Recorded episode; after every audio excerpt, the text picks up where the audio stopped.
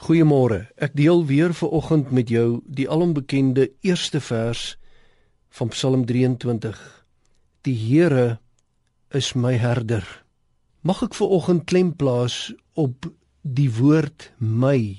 Die Here is my herder en mag ek versigtig dankbaar sê hier staan nie die Here is die herder van die groot en wye wêreld nie. Natuurlik is hy dit. Maar dit staan nie hier nie. Hier staan ook nie hy is almal se herder nie. Kyk mooi voor jy die dag binne stap. Hier staan ook nie hy is ons herder nie. Nie julle herder nie, nie hulle herder nie, maar my herder. 'n Stukkie heilige selfsugtigheid van Dawid sou ons kon sê. En kom ons maak dit ons eie. Kom ons sê so.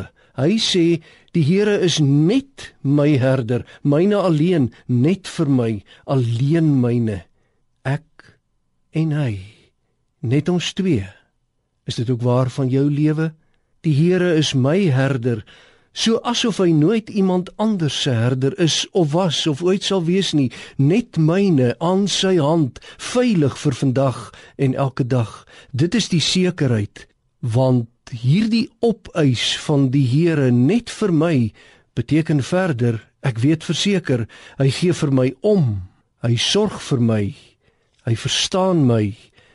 Hy tyd net vir my. Hy praat met my.